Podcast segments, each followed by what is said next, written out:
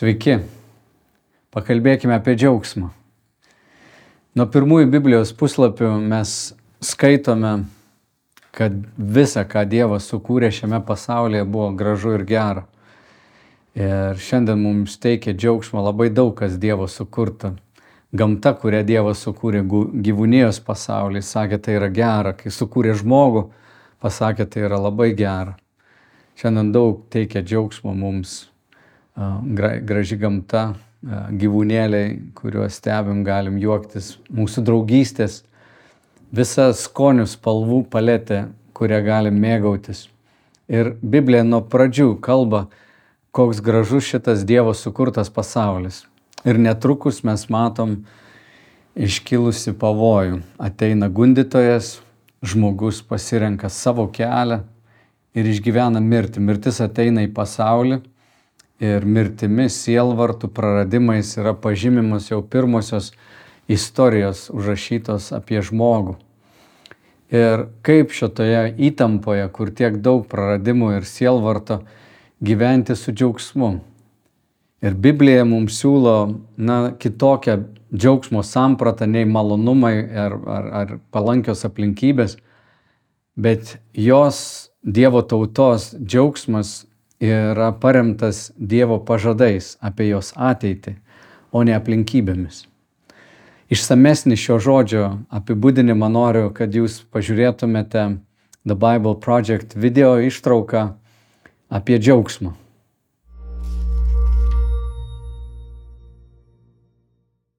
Gera, kai būni smagiai nusiteikęs. Dauguma kalbų turi įvairių žodžių šiai būsenai apibūdinti. Pavyzdžiui, linksmas, laimingas, džiugus ir taip toliau. Taip pat yra ir su biblinėmis kalbomis. Senovės hebrajų kalboje yra tokie žodžiai kaip simcha, sason arba gil, graikiškame naujajame testamente hara, efrosiūnė, agalijasis. Kiekvienas jų su savais niuansais, bet iš esmės reiškia džiaugsmą, laimę. Šie bibliniai žodžiai įdomus tuo, kad atkreipia mūsų dėmesį į dalykus, kurie teikia laimės bei atskleidžia, kad džiaugsmo tema Biblijos pasakojime įjausta nuo pradžios iki pabaigos. Pradėkime nuo džiaugsmo šaltinių. Pirmame Biblijos puslapyje Dievas pareiškia, kad šis pasaulis labai geras. Taigi natūralu, kad žmonės gyvenime džiugina gražus ir geri dalykai, kaip turimos kaiminės ar gausus kalvų derlius.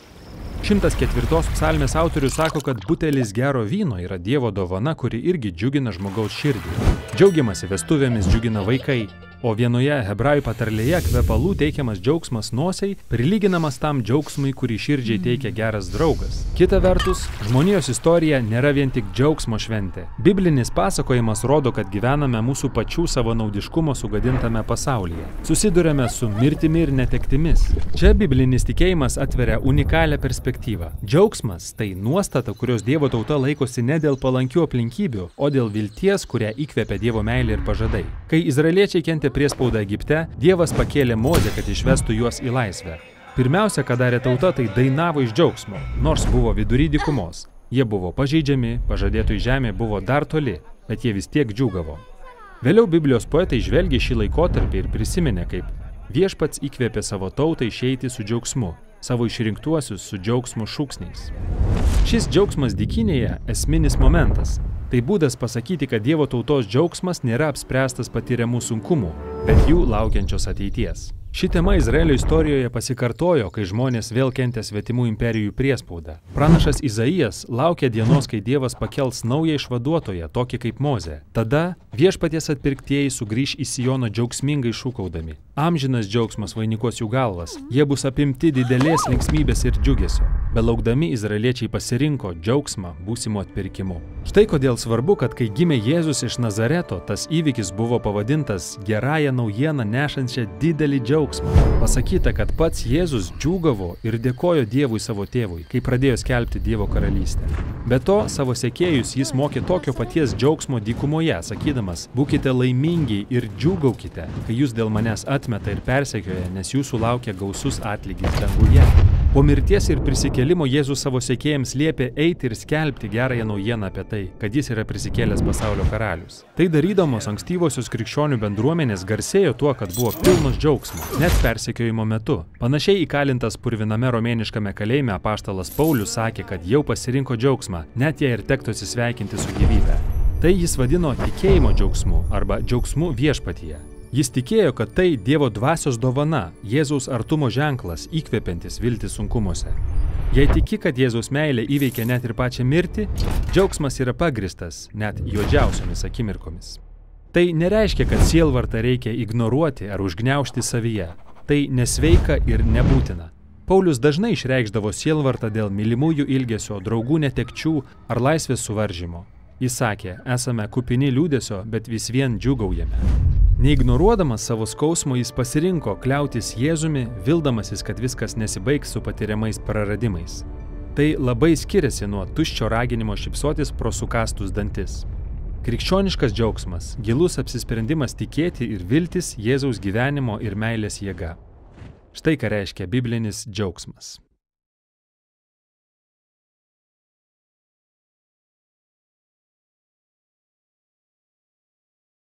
Jėzaus ateimas pranešamas angelų skamba taip Luko Evangelijoje.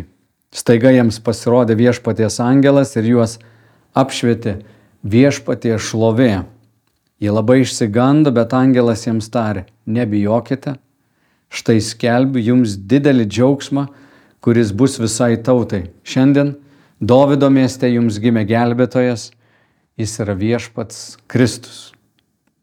Angelai pasirodo šlovėje, piemenys yra pagauti Dievo buvime, mato, regi viešpati, jų širdis išsigąsta, nes tai, ką jie regi, pranoksta jų įprastą patirtį, tai, ką jie lytėdavo, ką jie užuosdavo, ką regėdavo ar girdėdavo. Jie yra perkeliami į kitą tikrovę, į dvasinę tikrovę, jie išsigąsta tos patirties, bet angelai sako, skelbėme jums džiaugsmą. Štai Dovido mieste gimė gelbėtojas. Ir tai yra krikščioniško džiaugsmo pagrindas, mūsų žvilgsnis į viešpatį. Ir kol mes žvelgiame į jo šlovę, kol išgyvename maldoje, bendrystėje su juo, jo šlovę, mūsų džiaugsmas nepriklauso nuo aplinkybių. Apaštalas Paulius, rašydamas laiške filipiečiams, keletą kartų tame laiške išsako tokį raginimą. Trečiame skyriuje jis sako, džiaukitės viešpatyje visuomet. Ir vėl kartoju, džiaukitės. Tai čia buvo, atsiprašau, ketvirtas skyrius, o trečiame skyriuje jis sako, pagaliau mano broliai, džiaukitės viešpatyje. Bet ir vienoje ir kitoje pusėje jis nukreipia akis ir sako, džiaukitės viešpatyje. Džiaukitės tuo, kas yra viešpats, ką jis yra padaręs, ką jis gali padaryti ir ką jis dar padarys. Jis kreipia tikinčiųjų žvilgsnį į viešpatį. Pats būdamas surakintas grandinėmis, jo laisvės apribotos, bet jis džiaugiasi. Mes turim daug panašių istorijų. Vienas žinomas psichoterapeutas Viktoras Franklis, jis kalbėjo savo žymioje knygoje Žmogus ieškantis prasmės, tai viena geriausių praeito šimtmečio knygų. Jis perėjęs įvairius konslagerius, sakė, kad žmonės, kurie išlaikė viltį, kurie žiūrėjo kažkur toliau, neprarasdavo džiaugsmo ir jie išgyvendavo. Tie, kurie prarasdavo viltį, būdavo sunaikinami. Jie pirmą sunykdavo vidumi, po to ir šis išorinis pasaulis juos, na, sunaikindavo. Taigi džiaugsmas yra kažkas prieinamo mums, o čia Paulius sako, pagaliau mano broliai, džiaukitės viešpatie.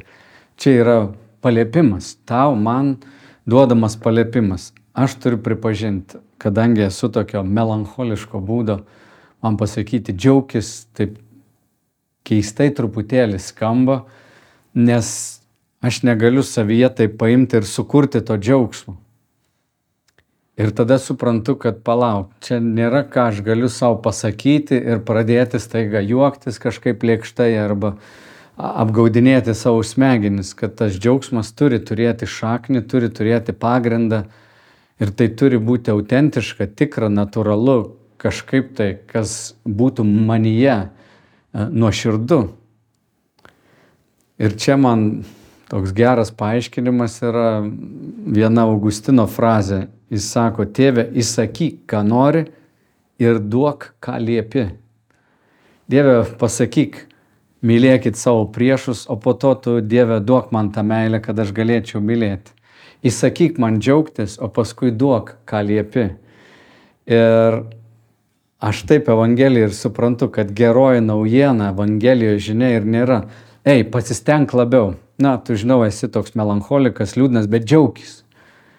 Tai sukuria kažkokį keistą tokį vidinį disonansą, jeigu nesupranti, apie ką eina kalba, o kaip džiaugtis. Tai čia kvietimas yra džiaugtis viešpatį arba pakelti akis ir žvelgti į jį. Na, dabar noriu perskaityti vieną pagrindinių rašto vietų, kurias aptarčiau. Tai yra Jono Evangelijoje 16 skyrius. Paskutinė vakarienė ir Jėzus sako savo mokiniams, prabėgs valandėlė ir manęs nematysite. Ir dar valandėlė ir vėl mane pamatysite, nes aš pas tėvą einu. Tada kai kurie mokiniai ėmė vienas kitą klausinėti, ką reiškia jo pasakyti žodžiai, prabėgs valandėlė ir manęs nematysite, ir dar valandėlė ir vėl mane pamatysite. Ir aš pas tėvą einu. Tada jie klausinėjo, ką reiškia valandėlė. Mums neaišku, ką jis kalba. Supratęs, ką jie norėjo jį klausti, Jėzus tarė, klausinėjate vieni kitus dėl mano žodžių, prabėgs valandėlė ir manęs nematysite, ir dar valandėlė ir vėl mane maty, pamatysite. Iš tiesų, iš tiesų sakau jums, jūs verksite ir vaitosite, o pasaulis džiaugsis. Jūs liūdėsite, bet jūsų liūdėsys pavirs džiaugsmu. Gimdydama moteris būna sielvarto prislėgta, nes atėjo jos valanda, bet kūdikiui gimus jis skausmą užmiršta iš džiaugsmo, kad gimė į pasaulį žmogus. Taip ir jūs dabar nuliūdę, bet aš vėl jūs pamatysiu ir jūsų širdis džiugaus ir jūsų džiaugsmo niekas iš jūsų nebetims. Jėzus mokiniams kalba apie džiaugsmą, kurio niekas nebegalės iš jų atimti. Jis perspėja juos, kad ateina sunki valanda, jo nukryžiavimo vieta, uh, išbandys visus mokinius, jie visi paliks jį, Petras išsižadės, Vienintelis Jonas bus prie kryžiaus, bet visi kiti baimės apimti išsisklaidys. Bet paskui sako, jūs vėl mane matysite ir jūsų širdis džiaugsis. Kai aš būsiu nukryžiuotas, pasaulis džiaugsis.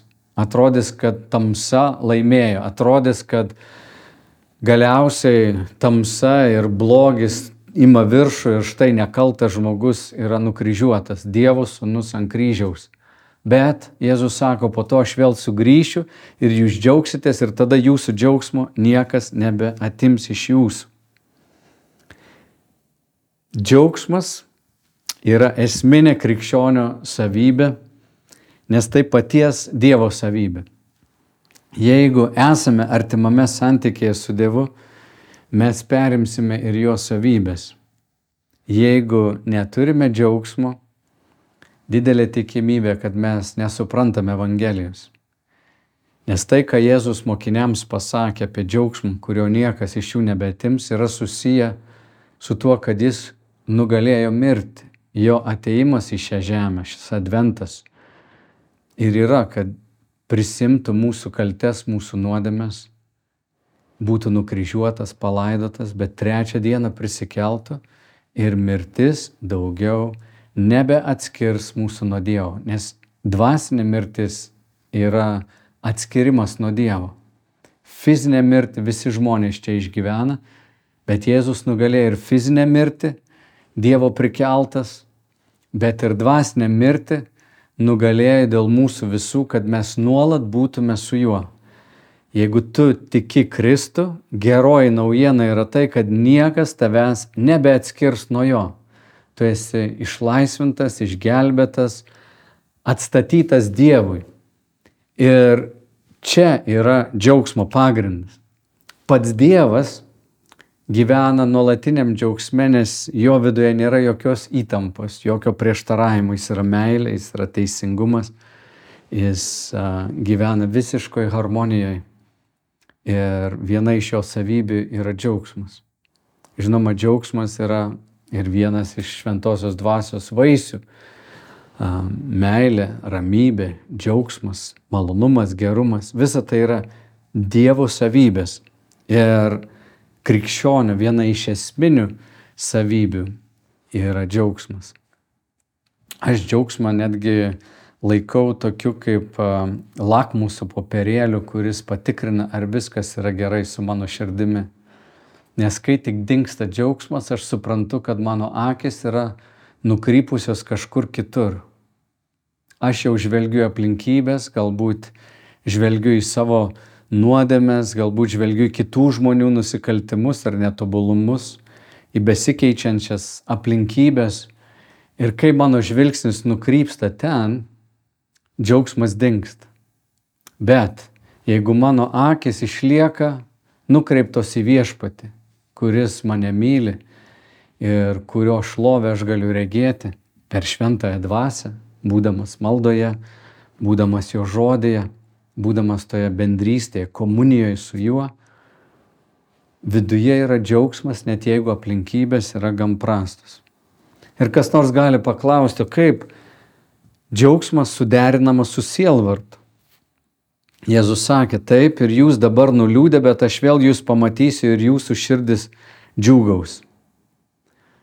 Noriu pasakyti, kad sielvartas ir džiaugsmas tikrai yra suderinami ir turbūt krikščionis yra dar labiau, kaip vienas mano mėgstamų pamokslininkų, Timas Kelleris sakydavo, kad sielvartas ir džiaugsmas yra krikščionių gyvenimo dalimi dėl to, kad krikščionis yra gavęs naują širdį. Dievas atgimdydamas mus savo iš dvasios įdėjo mus gyvą širdį. Todėl krikščionis dažnai sielvartauja dėl nuodėmės, kurią mato aplinkui save, kai jis išgyvena kažkokį na, sunkumą, jis moka sielvartauti, nes širdis yra gyva, jis jos neužspaudžia, neneigia, neignoruoja to skausmo. Bet mes galim paimti, nešti net pasaulio naštas maldoje pas Dievą, nes mums skauda širdį. Netgi statistika, kuri šiaip atbukina žmonės, kai girdi, kad tūkstančiai žmonių kare žuvo, verčia krikščionį eiti kažką padaryti dėl vieno, dėl mažutėlio. Noris paukoti kažkiek. Karas Izraelį prasidėjo, mano širdis iškart o reikia nusiųsti pinigų. Aš galiu paukoti, kažkas, kas iš lietuvių ten darbuojasi, gali padėti vargstantiems, prispaustiems. Ar Ukrainoje tą patį mes darėme kaip bažnyčia. Žodžiu, mes galim liūdėti, sielvartauti, nes širdis yra gyva ir tuo pačiu metu galim išgyventi džiaugsmą. Jėzus irgi atėjo į šį pasaulį, laiškė Hebrajams parašyta 12 skyriuje, kad Jėzus vietoj jam priderančio džiaugsmo pasirinko iškesti kryžių. Sako, ir jūs nepavarkit, nesu, nesuglėpkit, nenuleiskit rankų, bet žvelkite į mūsų tikėjimo pradininką ir atbaigėją Jėzų, kad galėtumėte pasipriešinti nuodėmiai, pasipriešinti gundimams, pereiti sunkumus, būti išbandyti, išlikti tiesoje. Taigi sielvartas ir džiaugsmas yra tarsi visiškai priešingi dalykai, bet krikščionis gali išgyventi sielvartą ir džiaugsmą tuo pat metu, jeigu akis yra nukreiptos į jį. Ir kartais tau liūdna dėl aplinkybių, tikrai norėtųsi geriau būti sveikam, būti pavalgiusiam, keliauti, nežinau, išgyventi kažką labai gražaus, vietoj to nutrūksta koks nors santykis, išeina tavo artimieji į amžinybę ir tavo širdis liūdi, bet čia pat išgyvena ir džiaugsmą dėl to, kas yra viešpats ir kas mūsų laukia. Bet džiaugsmas tikrai, dieviškas džiaugsmas, tai nėra tik malonumas arba palankios aplinkybės. Džiaugsmas nepriklauso nuo, nuo aplinkybių. Ir dėl to Jėzus mokiniams ir sako, jūsų džiaugsmo niekas iš jūsų nebe atims. O kas gali atimti džiaugsmą? Štai toj pačioj Jono Evangelijoje ir toj pačioj vakarieniai Jėzus pasakė ir tokius žodžius. Sako, jei laikysitės mano įsakymų, pasiliksite mano meilėje, kaip kad aš vykdau savo tėvo įsakymus ir pasilieku jo meilėje. Aš jums tai kalbėjau, kad jumise būtų manasis džiaugsmas ir kad jūsų džiaugsmui nieko netrūktų. Tai mano įsakymas, kad vienas kitą mylėtumėte, kaip aš jūs mylėjau. Taigi džiaugsmą gali uh, užslopinti mūsų neklusnumas. Jėzus sako, būkite klusnus. Kaip aš esu klusnus tėvui, taip ir jūs būkite klusnus ir vykdykite, ką aš jumis sakau.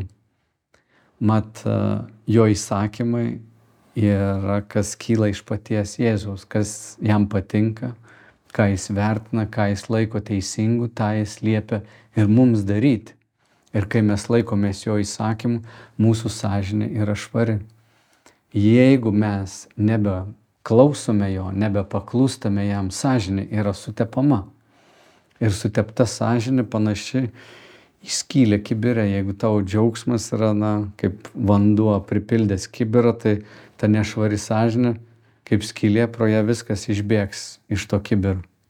O Jėzus sako, aš noriu, kad jūs turėtumėte džiaugsmą ir kad jūsų džiaugsmui nieko netrūktų. Taigi ne tik žvelgti į jį ir sakyti, Jėzu, aš noriu pasilikti tavo meilį, bet ir siekti vykdyti jo įsakymus. O jo įsakymai nėra sunkus. Čia vėlgi tinka tie patys Augustino žodžiai, e, kuriais jis pasakė, tėve, įsakyk, ką nori ir duok, ką liepi. Jeigu jisai liepia mums mylėti vienas kitą, tai mes einam pas jį, kad gautume tą meilę. E, jeigu jis sako, mylėk artimą, tai mano įsakymas, jis duos pajėgumą iš šventosios dvasios mums vienas kitą pakesti. Bet neklusnumas, kai šventoji dvasia mums iškelia, parodo kažką ir rodo, žiūrėk, tu nusikaltai, nusidėjai, tai tėvą liūdina, tai mane liūdina kaip šventąją dvasią. Visą, ką mums reikia padaryti, ateiti ir sakyti, tėve, aš tave įžeidžiau, atleisk, atleisk. Mano tas senasis aš linkęs į dulkės, linkęs į nuodėmę, bet tai nesu tikrasis aš. Aš galiu paprašyti tėvę atleisk ir jis atleis. Ir tada žvelgiu vėl į viešpatį ir sakau, viešpatė dabar lydėk, tu apimk, kad tavo dvasia pripildytų mane ir aš galėčiau pakęsti, atleisti neprimesti žmonėms savo kelio, bet gyventi ramybėje. Taigi, džiaugsmas nepriklauso nuo aplinkybių, nes mes statome kaip džiaugsmo pagrindą viešpatį ir ką jis dėl mūsų padarė, kas jis yra. Bet mūsų neklusnumas, mūsų ėjimas prieš jo valią, na, suteps mūsų sąžinę ir tada tas džiaugsmas bus trukdomas neišvengiamai tada akis nukryps į mūsų pačių nešvarumus, į aplinkybės, į kitus dalykus, nes tas santykis su Dievu, jis bus tarsi atšalęs. Dievas neišsižada mūsų, mes esam jo vaikai, bet jis trokšta to švaraus santykio, kur mes išpažįstam savo nuodėmės ir turim atleidimą. Džiaugsmas yra dėl to na, toks svarbus, mm, kaip įvardėjau, lakmuso popierėlis, kad kai sąžinė švari, kai esu darnoje su viešpačiu, pasilieku jo meilėje, džiaugsmas jis visada toks, na, burbuliuoja. E, nebūtinai aš juoksiuosi, nebūtinai kikensiu, bet yra toks gilus vidinis pasitenkinimas, labai panašus į ramybę, kur tavo viduje tiesiog gera, dėl to, kas esi, kas yra viešpats ir koks yra tavo santykis su Dievu. Nes kitas atvejis, kai jau džiaugsmo nebėra, reikia žiūrėti, ar čia yra kažkoks tai mūsų neklusnumas, o gal mes patys pradėjom nebe į save žiūrėti, bet į savo gerus darbus. Pavyzdžiui, fariziejai. Jėzus sako, saugokitės fariziejų raugo. Kas yra tas fariziejų raugas? Tai yra žmogus, kuris savo jėgomis nori pasistengti įtikti Dievui. Fariziejai taip preciziškai stengiasi įvykdyti visus Dievo paliepimus, kad nuo paties Dievo atitolo. Panašus atvejis aprašytas ir sunaus palaidūno istorija, kur vyresnėlis brolis, jis vykdo visus tėvo įsakymus, bet savo širdimi nutolė. Sako, tėve, aš bandžiau visai tau įtikti, bandžiau ir tą, ir aną, ir trečią daryti dėl tavęs. Nekarto tu man nedavė ožiuko, nepapjovė, kad galėčiau švęsti su savo draugais. Ir čia ta didelė tragedija, kad žmogus žino kažką apie tėvą, fariziejai labai daug žinojo apie Dievą, bet nepažinojo paties Dievo. Mano klausimas tau, ar tu skaitai vairias knygas ir palendi po kažkokiu įstatymu ir sakai, reikia daryti tą ir tą ir teisi kitus krikščionis, kad jie netaip švenčia arba per kalėdas pasistatė glutę, o glutė čia pagoniškas kažkoks simbolis ir tu vis, visus teisi, visus vertini, ten tvarkai ir visa kita. Daug gal žinai apie Dievą, bet Dievo nepažįsti. Gali būti, kad fariziejai, kurie vaikščia be džiaugsmo, netrodo, kad jie būtų tie, kurie pritrauktų kitus žmonės džiaugsmu. Jėzus iš kitos pusės atrodo, kad aplinky buvo šokiai, buvo linksmybės, atėjo didžiausi nusidėliai. Manau, kad Jėzus daug ir juokėsi, ir ilsėjosi tame santykėje su tėvu. Tai jis yra mums pavyzdys. Tai saugokime neklusnumo, saugokime fariziejų raugo žvelgime į jį. Užbaigsiu nuostabią ištrauką iš laiško romiečiams. Apaštalas Paulius irgi rodo mums nuostabią Evangelijos žinią.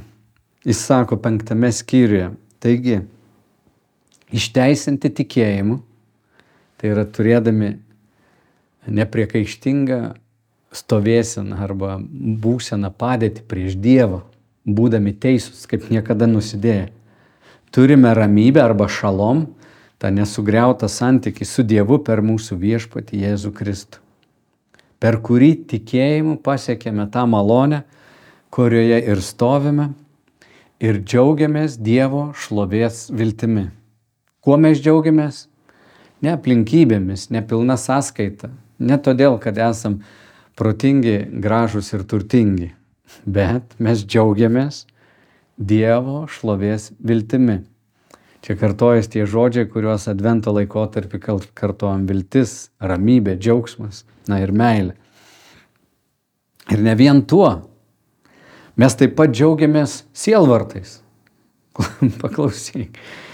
Čia tas uh, atrodo nesuderinamas dalykas, sako, mes taip pat džiaugiamės sielvartais. Kodėl? Žinodami, kad sielvartas ugdo ištvermę. Ištvermė patirti, patirtis vilti. Reiškia, sielvartas ateina, kažkokie sunkumai ateina į mūsų gyvenimą, mes juos ištveriame, įgyjame patirtį su Dievu tame sunkume, galiausiai mūsų viltis yra sutvirtinta ir mes tada sakom, na, gyvenime duok dar ką nors, mes pereisim ir tai, nes mano viltis mano džiaugsmas nėra paremtas aplinkybėmis, kad viskas pasisektų taip, kaip aš noriu. Ir taip mes esame šiame pasaulyje, bet nebe iš šio pasaulio. Ir Paulius sako, mes galime džiaugtis sielvartais, nes per sielvartą, per sunkumus, per išbandymus mes esam patys perkeisti kaip žmonės. Ir tai tampa didelė dovana. O viltis neapvilia, nes Dievo meilė išlieta mūsų širdise per šventąją dvasę, kuri mums duota. Mums dar esant silpniems, Kristus savo metu numirė už bedievius. Vargu ar kas sutiktų mirti už teisų, nebent kas ryštųsi mirti už geradarį. O Dievas mums parodė savo meilę tuo, kad Kristus mirė už mus, kai tebe buvome nusidėjėliai. Jeigu, kai dar buvome, e, tad dar tikriau dabar, kai esame išteisinti jo krauju, mes būsime per jį išgelbėti nuo rūstybės. Jeigu, kai dar buvome priešai, mūsų taikė su Dievu jo sunaus mirtis, tai tuo labiau mus išgelbės jo gyvybė, kai jau esame sutaikyti. Negana to, mes džiaugiamės Dieve mūsų viešpatį, per mūsų viešpatį Jėzų Kristų, kuriuo esame sutaikyti. Taigi Paulius sako, mes džiaugiamės ir sielvartais, džiaugiamės, kad Dievo meilė išlieta į mūsų širdis ir kad esam taikoje su juo.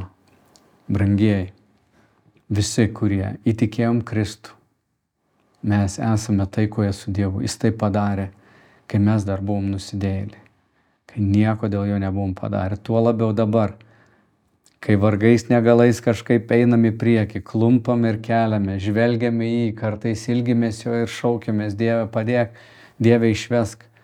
Dievo meilė mumyse yra ir Dievas nuolat, nuolat mus palaiko, myli, stiprina, drąsina.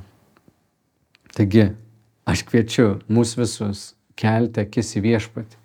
Jei išgyveni sielvartą, džiaugis pasirink žvelgti į jį, ištverk, įgysi patirtį, kuri sukurs tavyje tokią viltį, e, ne naivų optimizmą, bet tikrą viltį tuo, kas Dievas yra ir ką Jis tavo gyvenime padarys.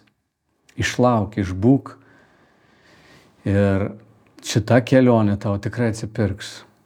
Aš tik vieną noriu paraginti mus visus - pradėti kiekvieną rytą susitikimu su Dievu kad pakeltume savo akis į jį, žvelgtume į mūsų viešpatį ir um, išmoktume nuolat jį pastebėti.